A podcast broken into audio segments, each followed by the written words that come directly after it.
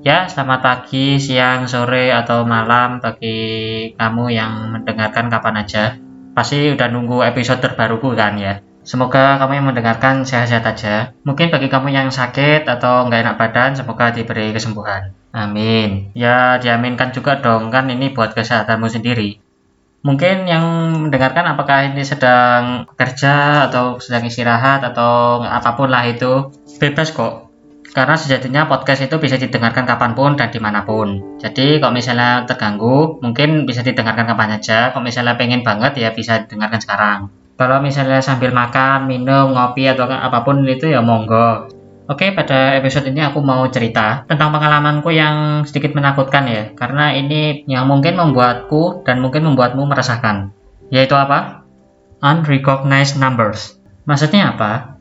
Ada nomor yang nggak tercantum dalam kontak kita, nomornya mencurigakan, padahal kita nggak ngasih nomor ke sembarang orang, kecuali ke beberapa pihak yang kita percayakan. Oke, gimana ceritanya? Check this out. Oke, cerita ini bermula mulai dari tanggal 2 September 2020. Tahu-tahu aku ditelepon, ada nomor dari 021 bla bla bla bla 8 angka di belakangnya itu. Mungkin ini nomor kantor ya. Dan ini domainnya di Jakarta karena depannya 021 nomor ini teleponnya di jam 9, 10, 11, jam 12-an. Ya jam kerja gitu bagi kantor. Aku yakin, aku nggak pernah ngasih nomor ke sembarang orang kecuali beberapa pihak yang aku percaya. Misalnya dari bank resmi, dari kampus, dari keluarga yang aku percaya, dan juga dari beberapa pihak yang memang benar-benar aku percaya dengan itu otomatis nomor-nomor tersebut pasti aku simpan. Atau aku minta nomornya jadi aku masukkan ke kontak. Jadi siapa pun yang menghubungiku aku tahu. Lah ini nomornya nggak aku kenal. Terus orang ini tahu nomorku dari mana? Jadi aku nggak berani ngangkat nomor itu karena aku punya fobia. Dulu pernah diteror nomor yang nggak dikenal. Jadi kalau ada beberapa nomor yang nggak masuk di kontakku nggak berani ku angkat. Sampai separah itu aku jadi, kalau berkomunikasi, aku lebih senang kalau lewat chat daripada telepon. Kalau kamu mau browsing, ada istilah namanya telefonobia, yaitu ketakutan berlebihan jika ditelepon. Karena aku mengidap itu, aku nggak berani ngangkat telepon itu. Dan akhirnya nomornya itu aku blokir. Karena di HP ku ada fitur untuk blokir nomor yang nggak kita kenal. Jadi seenggaknya aku nggak pernah ditelepon lagi sama nomor itu, karena nomornya ditolak secara otomatis oleh HP ku. Oke, bagiku nomor itu sudah beres, udah keblokir. Tapi di tanggal 7 nya itu ada nomor asing yang laki-laki telepon aku ya kalau aku ya gimana nggak takut nomornya aja nggak aku kenal tapi untuk kasus kedua ini langsung aku blacklist dengan cara memasukkan nomor itu ke daftar blokir jadi aman ya Oh iya, untuk nomor kedua, ini sama seperti nomor pertama. Dia 8 digit, terus domainnya 021 lagi. Ya, kayaknya nomor kantor itu. Jadi, di blacklistku, itu ada dua nomor mencurigakan itu. Terus kan penasaran, Baru aku tanya ke WA keluarga. Oh iya, aku OOT dulu bentar ya. Siapa pun yang punya grup WA keluarga, tolong jangan sebar hoax ya. Atau diingatkan kalau misalnya ada keluarga yang sebar hoax. Cobalah share yang bermanfaat, misalnya kayak cerita pribadi atau pengalaman pribadi seperti halnya di telepon nomor yang nggak dikenal.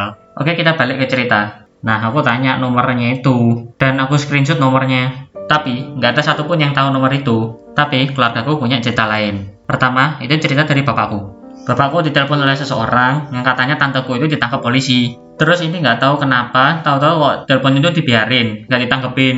Ya udah sama bapakku, HP-nya itu ditaruh, nggak dimatiin tuh telepon. Terus cerita ke ibu kan, ibuku itu langsung ketawa. Nah anehnya itu tahu-tahu kok teleponnya itu diutus sendiri. Mungkin karena sama-sama ngerti kalau itu biasanya kan minta tebusan dan itu pasti menjurusnya ke penipuan. Dan anehnya itu telepon itu dua kali. Yang pertama pakai nomor kantor, yang kedua pakai nomor pribadi. Terus Bapak ibuku dengan santainya tanya ke tanteku yang katanya ditangkap polisi. Dan untungnya tanteku itu baik-baik aja, nggak seperti yang ditelepon itu. Nah, terus tanteku juga cerita, kalau pernah ditelepon dari nomor yang nggak dikenal. Jadi ceritanya gini, si nomor misterius itu ngabari ke tanteku kalau suaminya, berarti kan omku itu, mengalami kecelakaan. Terus dia cerita kronologinya begini, begini, dan begini. Nah, terus tanteku curiga. Soalnya, tanteku pernah diceritain sama temannya ditelepon kalau suaminya kecelakaan dengan kronologinya hampir mirip dengan yang diterima oleh tanteku. Biasanya gitu itu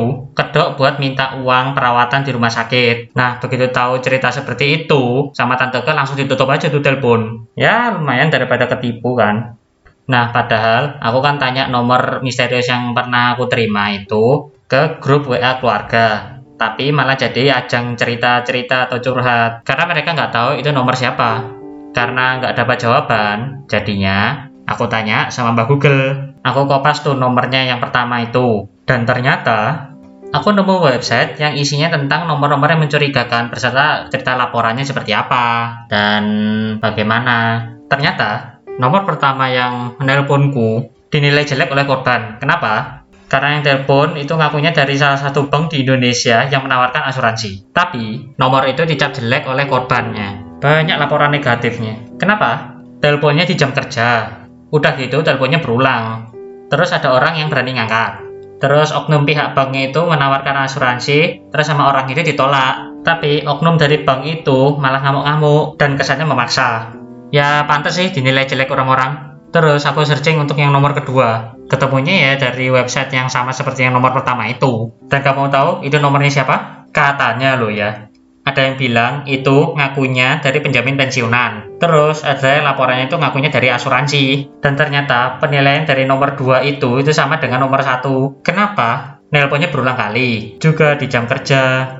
Terus promosinya maksa. Kalau nolak dia ngomel-ngomel ya ngomel-ngomelnya kayak gimana? Aku ya nggak tahu. Soalnya mereka ceritanya kayak gitu. Nggak dijelaskan ngomel-ngomelnya kayak gimana. Ya kalau aku berani angkat telepon ya aku cerita gimana ngomel-ngomelnya. Dan ternyata kasus kayak gitu nggak terjadi di 2020 aja. Ternyata setelah aku telusuri dari web itu ternyata itu dari 2016 atau 2017an gitu yang bikin aku penasaran adalah kok bisa dapat nomorku itu dari mana? Padahal aku nggak ngasih nomor ke sembarang orang kecuali yang aku percayai. Dan juga kasus ini udah terjadi beberapa tahun yang lalu.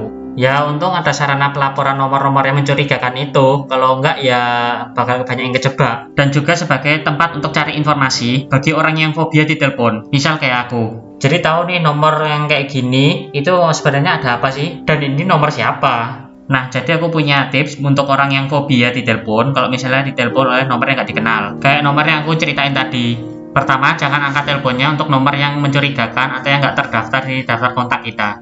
Sedikit sharing aja, aku itu sampai deg-degan kalau ada nomor yang nggak dikenal itu nelpon aku. Ya, istilah kerennya insecure lah. Saking takutnya, HP ku tuh sampai aku jauhkan, terus aku lari ke satu tempat. Makanya notifikasi HP ku sampai aku silent. Nah, habis itu kita dapat nomornya kan. Nomornya kita kopas, terus kita searching di Google. Nah, nanti keluar hasilnya, nanti kita ketemunya itu di hasil-hasil teratas. Nanti menyediakan informasi tentang nomornya itu dinilai buruk atau baik, terus juga ada komentar dari korbannya. Tapi, yang perlu diingat adalah yang bisa dicari di Google itu adalah nomor yang mirip dengan nomor kantor. Misal depannya dengan kode wilayah, terus 6 atau 8 digit. Soalnya yang nomor-nomor pribadi, misalnya yang 11 sampai 13 digit itu, itu jarang untuk telepon. Biasanya itu melalui SMS. Umumnya, orang-orang itu lebih berani untuk membaca SMS daripada mengangkat telepon. Oh ya, selingan juga, kalau di SMS dengan nomor yang mencurigakan, itu isinya ngasih tahu kalau kamu dapat hadiah atau dapat menang undian,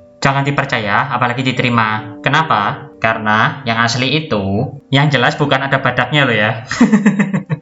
Oke, fokus-fokus ya. Yang asli itu langsung nama atau nomor yang memang benar-benar dari pihak resmi yang nomornya benar-benar tercantum di media sosial yang bersangkutan maupun di websitenya. Nah, kalau misalnya nekat atau memberanikan diri angkat telepon, misal kalau penipuan nih, ya direkam aja terus nanti ditunjukkan atau dilaporkan ke pihak yang berwenang atau ke pelayanan pengaduan yang disediakan oleh pihak yang bersangkutan. Atau kalau misalnya ada yang nawar sesuatu yang kesannya maksa, yang nomornya mencurigakan, sama kayak tadi, direkam terus dilaporkan ke kontak center ke suatu instansi yang dicatut atau ke media pelaporan online yang pernah aku ceritain tadi agar orang-orang bisa mengakses informasi ya nomornya itu punya siapa sehingga bisa mengurangi korban penipuan nih buat orang-orang yang berani ngangkat telepon silahkan angkat aja teleponnya kalau HP-nya bisa buat rekam pada saat telepon ya direkam aja terus ditunjukkan ke pihak yang terkait atau diceritain kayak tadi dan yang terpenting jangan kasih nomor kita sembarangan. Aku pun waktu ditanya nomor telepon oleh pihak resmi aja masih was-was, apalagi yang lain. Soalnya Zaman kan udah canggih, udah marak nih yang namanya kejahatan cyber. Data privasi kita bisa dibobol nih. Jadinya, nomor kita itu bisa dimanfaatkan oleh orang-orang yang nggak bertanggung jawab untuk melakukan aksi penipuan. Terutama kasihan orang-orang yang terlalu mudah percaya dengan informasi yang belum jelas. Jadi, minta tolong banget kepada Kemenkominfo maupun yang terkait untuk melindungi data kami dari kejahatan cyber. Takutnya data kami disalahgunakan oleh pihak yang tidak bertanggung jawab, sehingga berdampak pada banyaknya yang ditipu dan juga terganggunya privasi kami. Ya, semoga pihak yang terkait bisa menindaklanjuti. Oke, sekian episode kali ini. Semoga sharing ini bisa bermanfaat. Dan aku punya satu pesan, yaitu lebih hati-hati di dunia maya. Karena sekarang udah terlalu kejam. Mungkin kalau kamu peduli, episode podcast ini bisa kamu share ke siapa pun. Oke, terima kasih telah menyimak dan kita sudah sampai di benar-benar penghujung episode podcast ini. Mohon maaf apabila ada salah kata dan tunggu episode selanjutnya. Mata Aimashu.